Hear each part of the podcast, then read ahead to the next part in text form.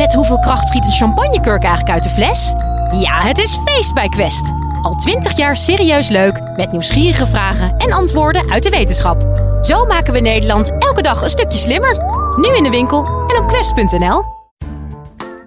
Door de komst van het internet kunnen we binnen één klik onze favoriete tv-series, bioscoopfilms, muziek downloaden, streamen of deze podcast beluisteren.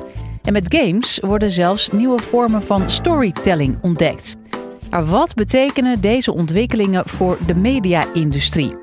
Filmwetenschapper Dan Hessler-Forrest van de Universiteit van Amsterdam vertelt hoe technologische ontwikkelingen een stempel drukken op ons mediagebruik. Live vanuit Club Air is dit de Universiteit van Nederland. Time Magazine, een van de toonaangevende nieuws-opiniebladen in de wereld, heeft elk jaar een groot moment. Dan maken ze namelijk bekend wie hun Person of the Year is geworden. Vroeger was het Man of the Year. Tegenwoordig is het gelukkig Person of the Year. En soms is het zelfs nog wel een vrouw. Wie weet nog wie er in 2006 de Person of the Year was? Ene jaar Poetin of dan is het Obama enzovoort. Maar dat jaar was jij het. Je was het zelf. Het was het jaar, op de kaft van Time stond, ik geloof YouTube, een spiegel. Met het YouTube toen nog YouTube interface eronder. You, jij bent de persoon van het jaar. Het was het moment waarop de media, de nieuwsmedia, een duidelijk teken gaven. We hebben begrepen dat er iets is veranderd in het medialandschap. In de manier waarop massamedia gebruikt worden en circuleren. Het gaat niet meer om onze boodschap, maar het gaat om jullie. Niet alleen wat jullie ermee doen, maar ook wat jullie maken en beschikbaar stellen. Ik wilde eigenlijk beginnen met de vragen: wie van jullie is er op Facebook? Maar ik dacht, ja, Tegenwoordig is denk ik het feit dat jullie hier alleen al zijn en op een platform dat gebouwd is op en rondom sociale media, is denk ik al genoeg om het belang en het feit dat we niet meer, zoals Mark Deuze in zijn boek schreef, met media leven, maar in media leven. Ons leven is een leven van ja, sociale media, van eigenlijk een soort cyborg leven, waarin technologie continu op allerlei manieren in jouw dagelijkse bezigheden vervlochten zijn. Ik raak een beetje kortademig op het moment dat mijn netwerk het niet doet en het heel lang duurt voordat mijn e-mail binnenkomt. Laat staan als ik in een kelder ben of zo ergens en ik heb helemaal geen signaal meer. Wat nou als ik net op dat moment, als er iemand iets heeft geliked op Facebook en ik krijg dat dan niet binnen? Ik geef het grif toe, ik ben zo iemand die op Facebook dingen plaatst en dan echt gaat zitten wachten van heeft er iemand op gereageerd? Ja, ja, hij vond het leuk. Ja. Oh, die zei er iets over. Ik like dat. Een soort van honger naar, ja, eigenlijk aan de ene kant gaat het nou om die inhoud. wat zegt dat nou? Iemand heeft het gelijk. Ze hebben het gezien en ze geven er hun goedkeuring aan of zo. Is best moeilijk, want wat betekent participatie dan? Is dat participeren als ik op Facebook iets like? Ben ik dan actief bij aan het dragen aan de cultuur? Sociale media, het woord zegt het al, stuurt ook wat wij met die media doen. Sociale media als woord benadrukt het feit dat het gaat, zo ervaren we dat in ieder geval, dat het gaat om de sociale verbindingen die we daardoor aanhouden. Elke dag heb ik wel een moment dat ik besluit van Facebook af te gaan. Dus ik meen het serieus. Elke dag besluit ik, nee, nee, nee, ja, nu, nu is het genoeg. Ik stop. Ah, ik doe het natuurlijk niet. Ik mag nog zeggen, het is onderzoek en zo, maar het is ook, ja, het is bijna ondenkbaar.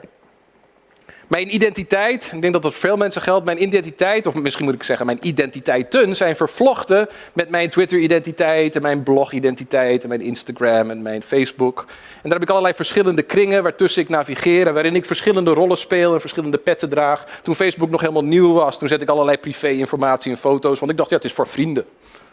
Nu heb ik 600 Facebook-vrienden, waarvan ik er denk ik de meerderheid nooit in het leven echt ontmoet heb. En waarvan ik sommige echt bij God niet weet wie dat zijn, maar het zijn blijkbaar vrienden. Dus ik zet heel andere soort informatie. Ik ben continu aan het navigeren. Wat doe ik? Wat kies ik? Wat maak ik publiek? En wiens belang dient dit nu eigenlijk? En Jozef van Dijk, hoogleraar hier aan de Universiteit van Amsterdam, heeft recentelijk een heel mooi boek geschreven. Die noemde dat The Age of Connectivity. Die zei, eigenlijk is sociale media ook een heel raar woord hiervoor. Een woord dat ons conditioneert om ze op een verkeerde manier te zien. Ze zijn, het zijn eigenlijk connectieve media. Dat is een veel nauwkeuriger omschrijving.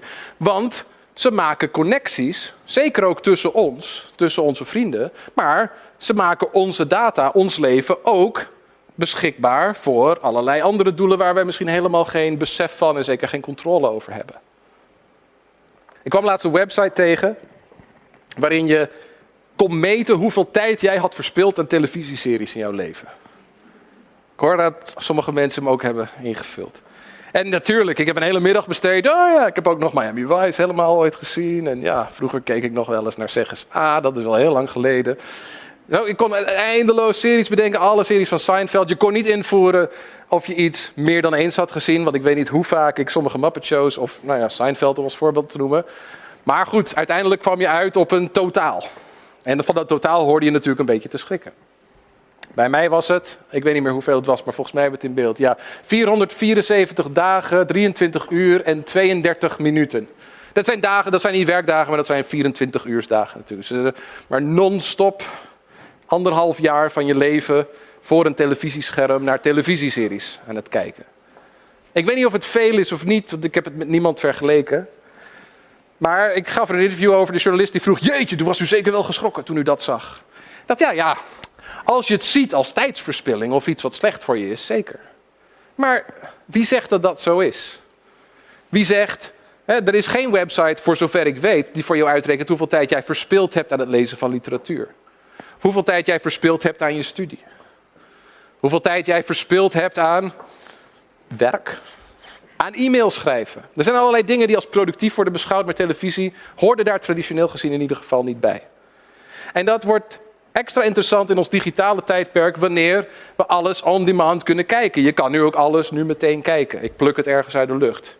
Iemand vertelt je dat Breaking Bad echt een fantastische serie is. En dat is ook zo. Dus je gaat naar huis en je haalt ergens vandaan van Netflix, van een torrent site, van de DVD-box van je buurman, haal je het eerste seizoen. En je begint en je stopt niet meer. Het hele weekend ben jij in één stuk door Breaking Bad aan het kijken en het houdt echt niet op. En dan gaat nog zes seizoenen zo door. Het is een andere manier van televisie kijken is ook weer zoiets waar die vraag op komt. Maar is dat niet slecht voor je? Moet het niet zo? Is televisie niet beter als je dat langzaam doseert? Zelfde discussie, grappig genoeg, die in de 19e eeuw werd gevoerd. Toen Charles Dickens boeken schreef in hoofdstukken die elke maand gepubliceerd werden. En dan kwam aan het eind van die rit kwam dan het mooie gedrukte boek uit als roman. En toen zeiden mensen die het onderweg hadden gelezen, die zeiden tegen die romanlezers: Ja, je leest het helemaal verkeerd. Want die maand die daartussen zit, die is heel belangrijk, want daar ben je ermee bezig. En er was een spannend eind en hoe zou het nou aflopen en zo. Nou, diezelfde discussie krijg je nu ook weer terug. Maar in een andere context. In een veel snellere context en een veel overweldigende context. Een context van, en dit noemen ze dan ook binge-watching. Binge-watching als een soort verslaving. Binge-watching als iets wat uh, weer pathologisch werkt, als een soort ziektebeeld. Net als met alcohol of drugs, dat je een weekend te goed doet aan dingen die slecht voor je zijn. We kunnen nu dingen doen waardoor we ook zien dat het medialandschap drastisch komt te verschuiven. We zien nu de opkomst, hebben we nu al een tijd gezien, van kwaliteitstelevisie. HBO-televisie, dure televisie. Ook wel TV for rich white people genoemd. It's not TV, it's HBO. Het is geen televisie, want televisie is passief en dan zit je op de bank, je hebt er geen controle over. Maar HBO kun je verzamelen in een box en het is ingewikkeld en mooi en met filmacteurs en het is complex. En je kan het verzamelen en je kan er een soort ja, expertise over ontwikkelen, waardoor je dingen ook als een bijna wetenschapper of letterkundige kunt vergelijken. Nou, het seizoen van, derde seizoen van The Wire is duidelijk significant beter dan het vierde, want de complexiteit van de personages enzovoort enzovoort. Het is een andere wereld. We praten nu over televisie en dezelfde woorden en vaak binnen dezelfde academische vakken als over klassieke literatuur. De Franse socioloog Pierre Bourdieu schreef daar een leuk boek over, al lang geleden. Hij deed onderzoek naar cultuur en wat cultuur voor ons betekende. En hij zei iets wat op dat moment eigenlijk heel grappig was. Hij zei: Cultuur heeft geen waarde van zichzelf. Cultuur gaat om onderscheid. Door jouzelf in een bepaalde expertise te verdiepen, word jij lid van een groep. Waardoor jij gezegend wordt met cultureel kapitaal. En cultureel kapitaal is iets anders dan geld, maar dat werkt eigenlijk op dezelfde manier. Dus als jij een diploma van een middelbare school of een prestigieuze universiteit hebt, doordat jij kennis hebt, dan is dat een vorm van cultureel kapitaal die uiteindelijk ook weer terug te vertalen is naar gewoon kapitaal. Als we dan kijken naar cultureel kapitaal en hoe dat circuleert binnen die sociale media, dan zien we dat dat eigenlijk een hele grappige logica, interessante logica is geworden. We delen dingen om ons eigen culturele en sociale kapitaal binnen onze vriendenkring op te bouwen. Het geeft ons iets doordat wij het doorgeven aan anderen.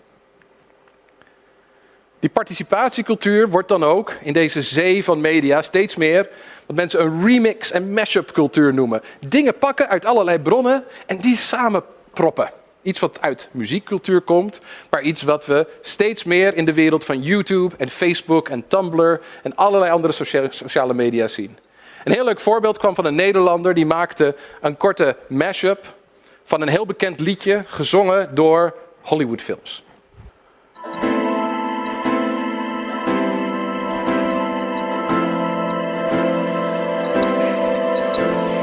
I've been alone with you.